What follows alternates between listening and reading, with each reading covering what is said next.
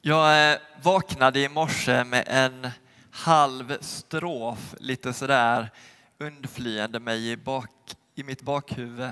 Det enda jag visste var att det var från en dikt eller en sång och att jag skulle börja dagens predikan med den. Mycket googlande och eh, en fråga, eh, smsa en vän livlina senare så hade jag till slut hittat den. Det är från en sång av en grupp som hette Terranova som är lika gammal som jag, 35 år gammal, från 1985. Men när jag läste den i sin helhet här på morgonen så eh, blev jag nästan chockad över hur träffande orden kändes just idag. Så jag ska läsa en del ur den för dig. Megatons presidenter i kolossalresidenser pansarbefästa gränser, storslagen maktlöshet. Makrobyråkratier, dataprogramsfantasier, skenbara demokratier, storslagen maktlöshet. Men nere i församlingens lilla sal på bästa möjliga sändningstid knäpper tanterna sina bibelfodral och bereder sig på att ta över. Bönetanter och farbröder för den delen är något av det bästa jag vet. Om du inte är van vid att gå i kyrkan så kanske du inte riktigt vet vad en bönetant är. Och det är inte så konstigt, för de brukar hålla sig lite i bakgrunden och vill inte gärna skylta med sig själva. Men när jag tänker på det som är det bästa med den här församlingen, och det är mycket som är bra med den här församlingen, men något av det första jag tänker på, då är det de här bönetanterna och farbröderna och deras ansikten som kommer upp i mitt inre. Deras varma leende och rynkiga men kärleksfulla blickar, de tar man med sig. Vad är det då som är så fint med de här bönetanterna? Ja, det som är fint med dem är att de har ägnat ett helt liv i bön åt, åt Jesus. De har bett, samtalat med honom, de har låtit honom forma dem till att bli lika honom. Därför är de ofta, oftast säger jag, kloka och kärleksfulla. De är positiva och man mår bra i deras närhet. Men kanske framför allt så är de bra på att be.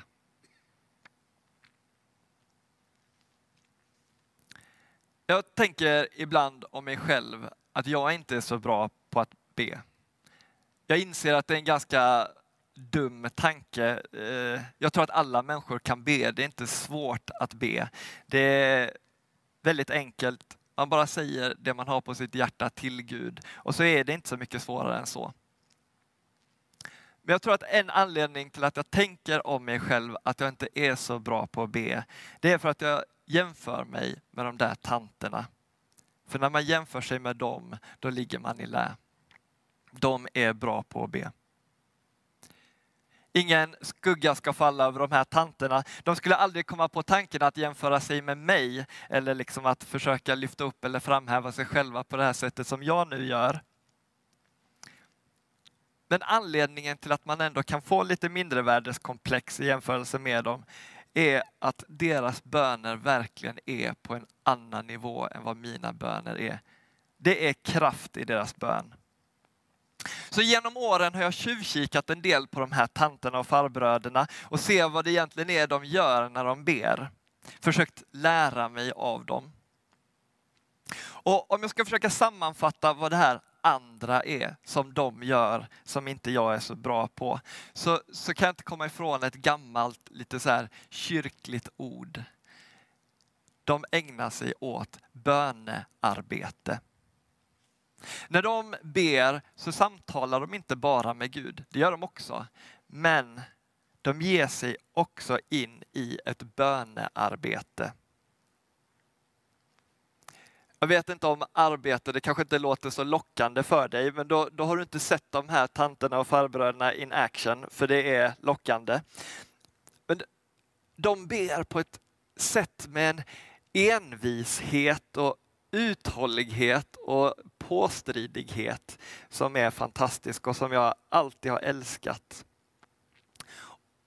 Och det är som att ett helt liv med bön har lärt de här människorna, för det första, att bön faktiskt gör skillnad.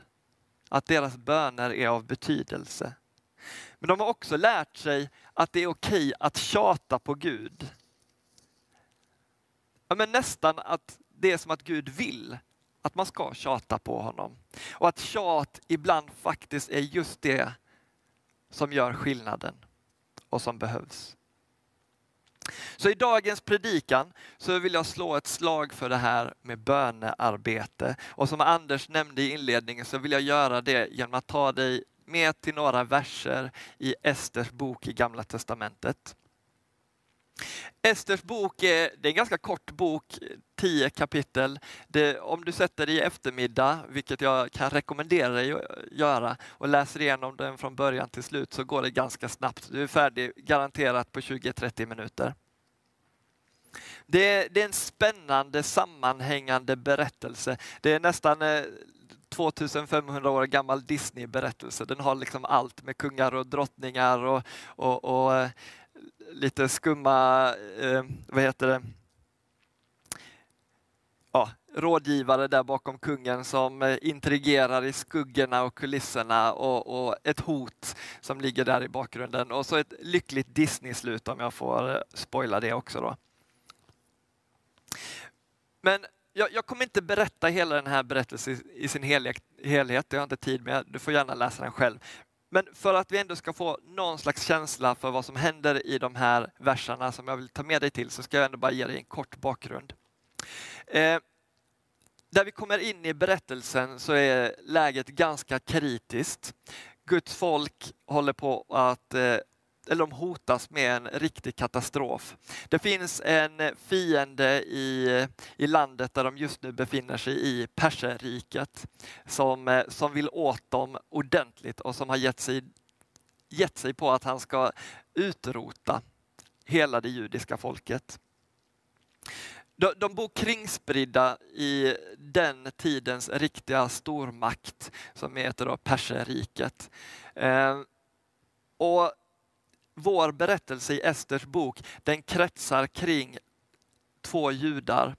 En man som heter Mordokaj och hans fosterdotter som heter Ester. De lever i en av huvudstäderna i Perserriket som heter Susa. Det ligger i dagens Iran, precis nere där slättlandet börjar på gränsen mot Irak. Där, där bodde de i Susa. Det är en av eh, kungen Xerxes eh, stora palats och huvudstäder. Och den här kungen spelar också en viss roll i berättelsen. Han är ju ja, nästan så nära man kan komma en riktig envåldshärskare. Eh, han behöver stå till svars inför lagen på vissa sätt, men i princip så verkar det från berättelsen som att han kan göra nästan vad han vill. Och han verkar vara lite lynnig i sitt temperament. Han har haft en drottning tidigare som vid ett tillfälle vägrar komma när han kallar på henne. Och det räcker för att han ska avsätta henne som drottning och beordra att han aldrig vill se henne resten av sitt liv. Som sagt, i den här berättelsen så finns det en man som har intrigerat nu för att försöka sätta dit judarna och få dem utrotade. Mordokaj, den här judiske mannen, han har fått reda på den här planen. Han har en lite så här mellanchefsposition kan man tänka sig i förvaltningen där i Susa. Så han har fått reda på planen och han har blivit förtvivlad. Och han uttrycker sin sorg väldigt offentligt som man gjorde på den tiden och fortfarande gör i vissa kulturer. Så han har gått ut på gatorna och torgen i staden, slitit sönder sina kläder och gråter och klagar högljutt. Ester, som vid det här laget finns i palatsets harem. För hon är en av de flickorna som eh, har blivit utsedda till att bli potentiella drottningar åt, eh, åt kungen. Hon befinner sig i palatsets harem och får reda på vad hennes fosterpappa ägnar sig åt och börjar skämmas lite å hans vägnar. Så hon skickar en av sina tjänare med nya hela kläder ut till Mordokaj på gatan för att försöka övertyga honom och klä på sig och bete sig lite vettigare. Men han vägrar och skickar tillbaks ett svar där han berättar om den här planen som han har fått reda på att alla judar ska utrotas. Till detta så kommer att Ester har på Mordokais råd hållit sin etniska tillhörighet hemlig för alla. Ingen vet att hon egentligen är en judinna, utan för vad alla andra tänker så är hon en av de här kvinnorna i kungens harem och nu har hon dessutom blivit den som han verkar gilla mest och som han har gett den nya drottning eh, statusen till. Hon är hans favorit. Så hon, om någon, har en ganska bra position i det här läget. Hon är en av få judar som skulle klara sig förmodligen ganska bra genom en sån här förföljelse som står nära till hands här. Mordokaj vädjar till Ester att hon ska gå till kungen och eh, be honom att stoppa den här planen för att utrota judarna. Ester svarar till Mordokaj att vet du vad det är du ber mig om? Om jag går till kungen utan att vara efterkallad, då är lagen sån att då får han döda mig om jag vill. Om han vill. Då är mitt liv försakat. Och han har inte kallat på mig på 30 dagar. Så förvänta dig inte att han kommer kalla på mig inom en snar framtid. Och jag vet inte om jag vill gå dit, det är förenat med livsfara. Så det här är var vi kommer in i berättelsen, mitt i ett samtal via en budbärare mellan Ester och Mordokaj. Eh, jag tar med er nu till några verser här då. Då står det i Ester kapitel 4 och vers 12 och framåt, så står det så här. När Mordokaj fick höra vad Ester hade sagt lät han svara henne. Tro inte att du ensam bland alla judar ska komma undan bara därför att du bor i kungens hus. Tiger du i detta ögonblick kommer befrielse och räddning för judarna från något annat håll. Men du och din fars familj ska gå under. Kanske var det för en stund som denna som du blev drottning. Vi tar paus där och återkommer till Esters svar så snart.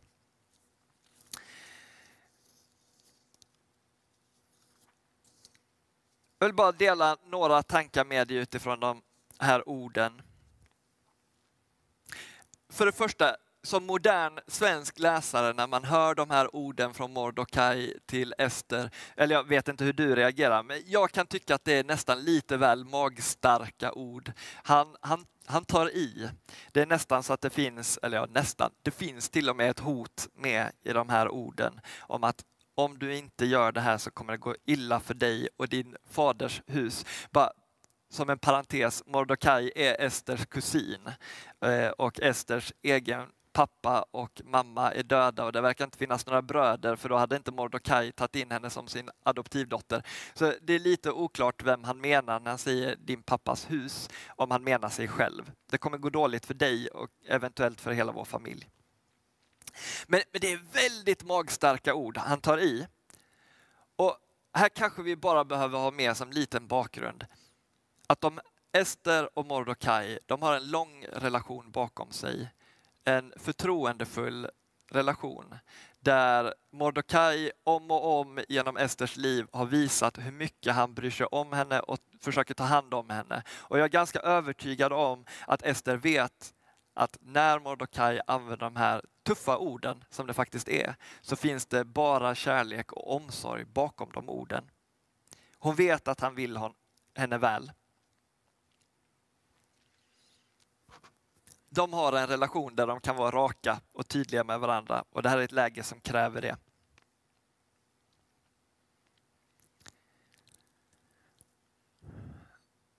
Det andra i de här orden, jag vet inte, men jag är ganska övertygad om att en del av er som sitter hemma nu och läser den här texten känner mycket väl igen er, för ni har varit här vid några tillfällen nu i coronatider.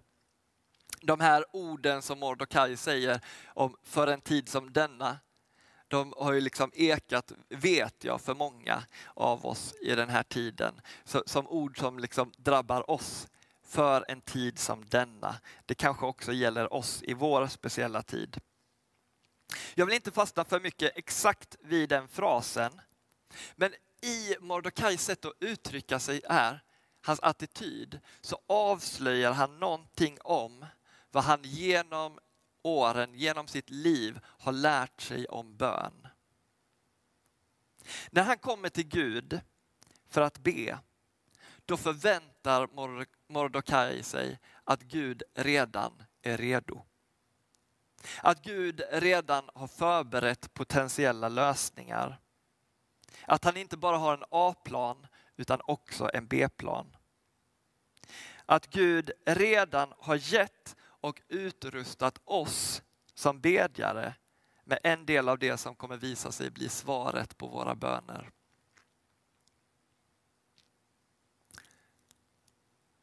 Och Det här är någonting av det som jag verkligen vill trycka på nu i den här predikan. hur Mordokaj närmar sig Gud med tillförsikt trots att situationen är desperat. Mordokaj är helt övertygad om att Gud kan hitta en lösning på det här problemet, för Gud är ingenting omöjligt. Och därför blir, jag vet inte om ni noterar det, men Mordokajs budskap till Ester blir snarare om hon vill vara med, inte om Gud vill vara med. Och Det här tänker jag gäller för oss idag också som ett erbjudande från Gud till oss. Jag är helt övertygad om att Gud håller på med en hel massa saker just nu i vår tid. I våra liv, i vår stad, i vårt land och över vår värld. En del som redan händer just nu, en del som Gud håller på och förbereder, som Gud har planterat. Det här är saker som Gud kommer genomföra oavsett om vi är med på det eller inte. Men det finns en fråga till oss. Ett erbjudande eller en, en inbjudan. Att Gud säger till oss att vi får vara med på det som han vill göra i den här världen. Det är vad Mordokais budskap till Ester är. Vill du vara med i det som Gud ska göra? Vi ska läsa vidare hur Esters svar sen låter till Mordokaj. Då sände Ester detta svar till Mordokaj. Samla genast alla judar som finns i Susa och håll fast, fasta för min skull. Ni ska inte äta eller dricka på tre dygn, varken dag eller natt. Jag och mina tjänsteflickor ska fasta på samma sätt. Sen går jag till kungen trots att det är mot lagen. Är jag förlorad så är jag förlorad. Mordokaj gav sig iväg och gjorde precis som Ester hade sagt till honom. Det som Ester gör i den här berättelsen tycker jag är ett sånt vackert exempel på bönearbete och hur det funkar. För det första och det som Anders var inne på, hur bön och handling hänger ihop. Hon tänker inte att det räcker med att hon ber. Nu har jag ju bett alla judar och fasta, då löser det väl sig. Nej, hon inser att hon själv får vara med och kan vara bönesvaret i alla de här bönerna. Men omvänt då, bara för att hon nu ska gå till kungen så tänker inte hon att det räcker med sin egen insats. Utan hon förstår att i det här läget, när jag ska göra det här, då behöver jag verkligen, verkligen be till Gud om hjälp. Och hon tar till det kraftfullaste, hon vet den kraftfullaste bönen, att fasta för att verkligen visa för Gud att hon menar allvar i sin bön. Men hon nöjer sig inte där. Hon förstår också att jag kommer aldrig klara det här själv. Jag behöver hjälp. Så hon ber Mordokaj sprida budskapet bland alla judar i hela staden att alla ska fasta och be. Hon omsluter sig av en hel stad av förebedjare. Jag vet inte vad du har för erfarenhet av förbön på det här sättet, men jag kan säga att som pastor så är min erfarenhet att utan den här typen av böner så är det många situationer som jag har varit med om i min tjänst eh, som jag inte tror att jag skulle ha hanterat eller tagit mig igenom. Men där jag har känt mig buren av att andra människor har varit med och bett för det som har hänt.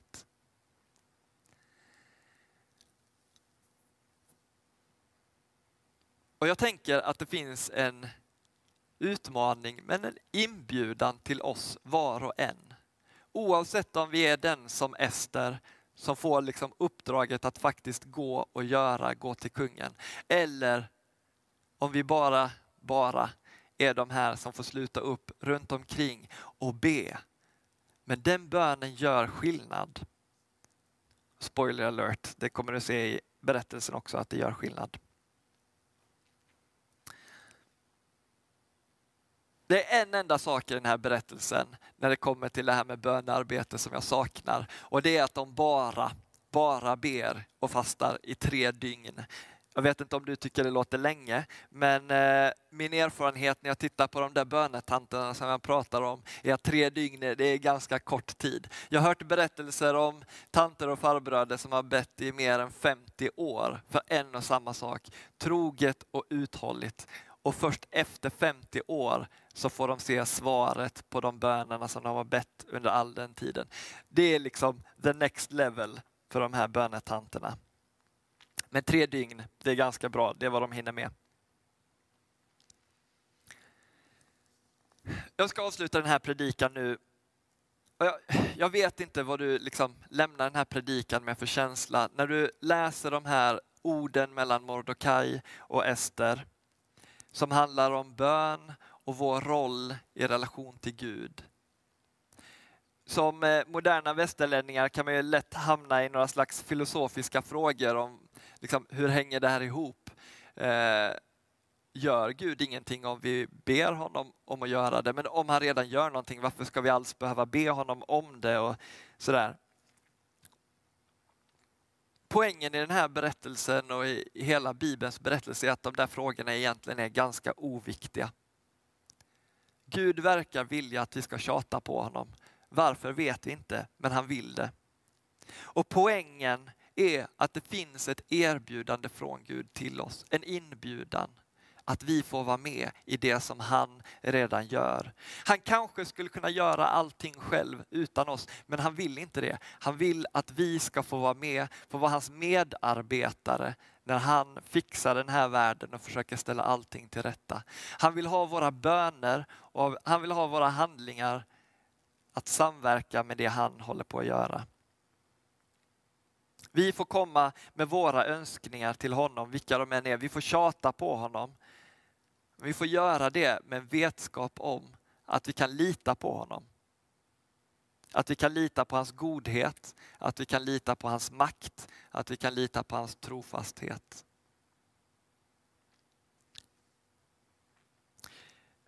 Jag ska avsluta den här predikan och vi kommer fortsätta den här gudstjänsten. Och vi brukar alltid ha en stund av tillbedjan. Vi kommer ha det också, en god stund med tre lovsånger där du gärna får sjunga med. Jag skulle bara vilja utmana dig om du känner dig träffad att sjung inte bara med inför Gud utan ta den här tiden till en tid när du kan få ägna dig åt lite bönearbete. Jag vet inte vad du har för saker som liksom vilar på ditt hjärta som du skulle vilja få tjata om till Gud. Men passa på, ta det här som en tid när du kan få tjata på Gud. Vi har missionärer ut över vårt land som gärna vill ha våra böner. De behöver våra böner. Passa på och gör, ägna dig åt lite bönarbete för deras skull. Eller vad som nu ligger på ditt hjärta och vad Gud manar dig till. Men vi ber tillsammans och sen så är vi en stund i bönarbete och lovsång. Ja, Jesus, tack för att du är god mot oss. Tack för att du är mäktig. Tack för att du har planer för oss, för den här världen. Att du inte har övergett oss. Men tack Gud för att du inte bara gör allt det där själv utan att du bjuder in oss att få vara med, att få vara dina medarbetare. Hjälp oss att göra det med hjärtan som är fyllda av din vilja och inte vår egen vilja. Lär oss att bli sådana där härliga bönetanter och bönefarbröder som får be och tjata uthålligt inför dig. Amen.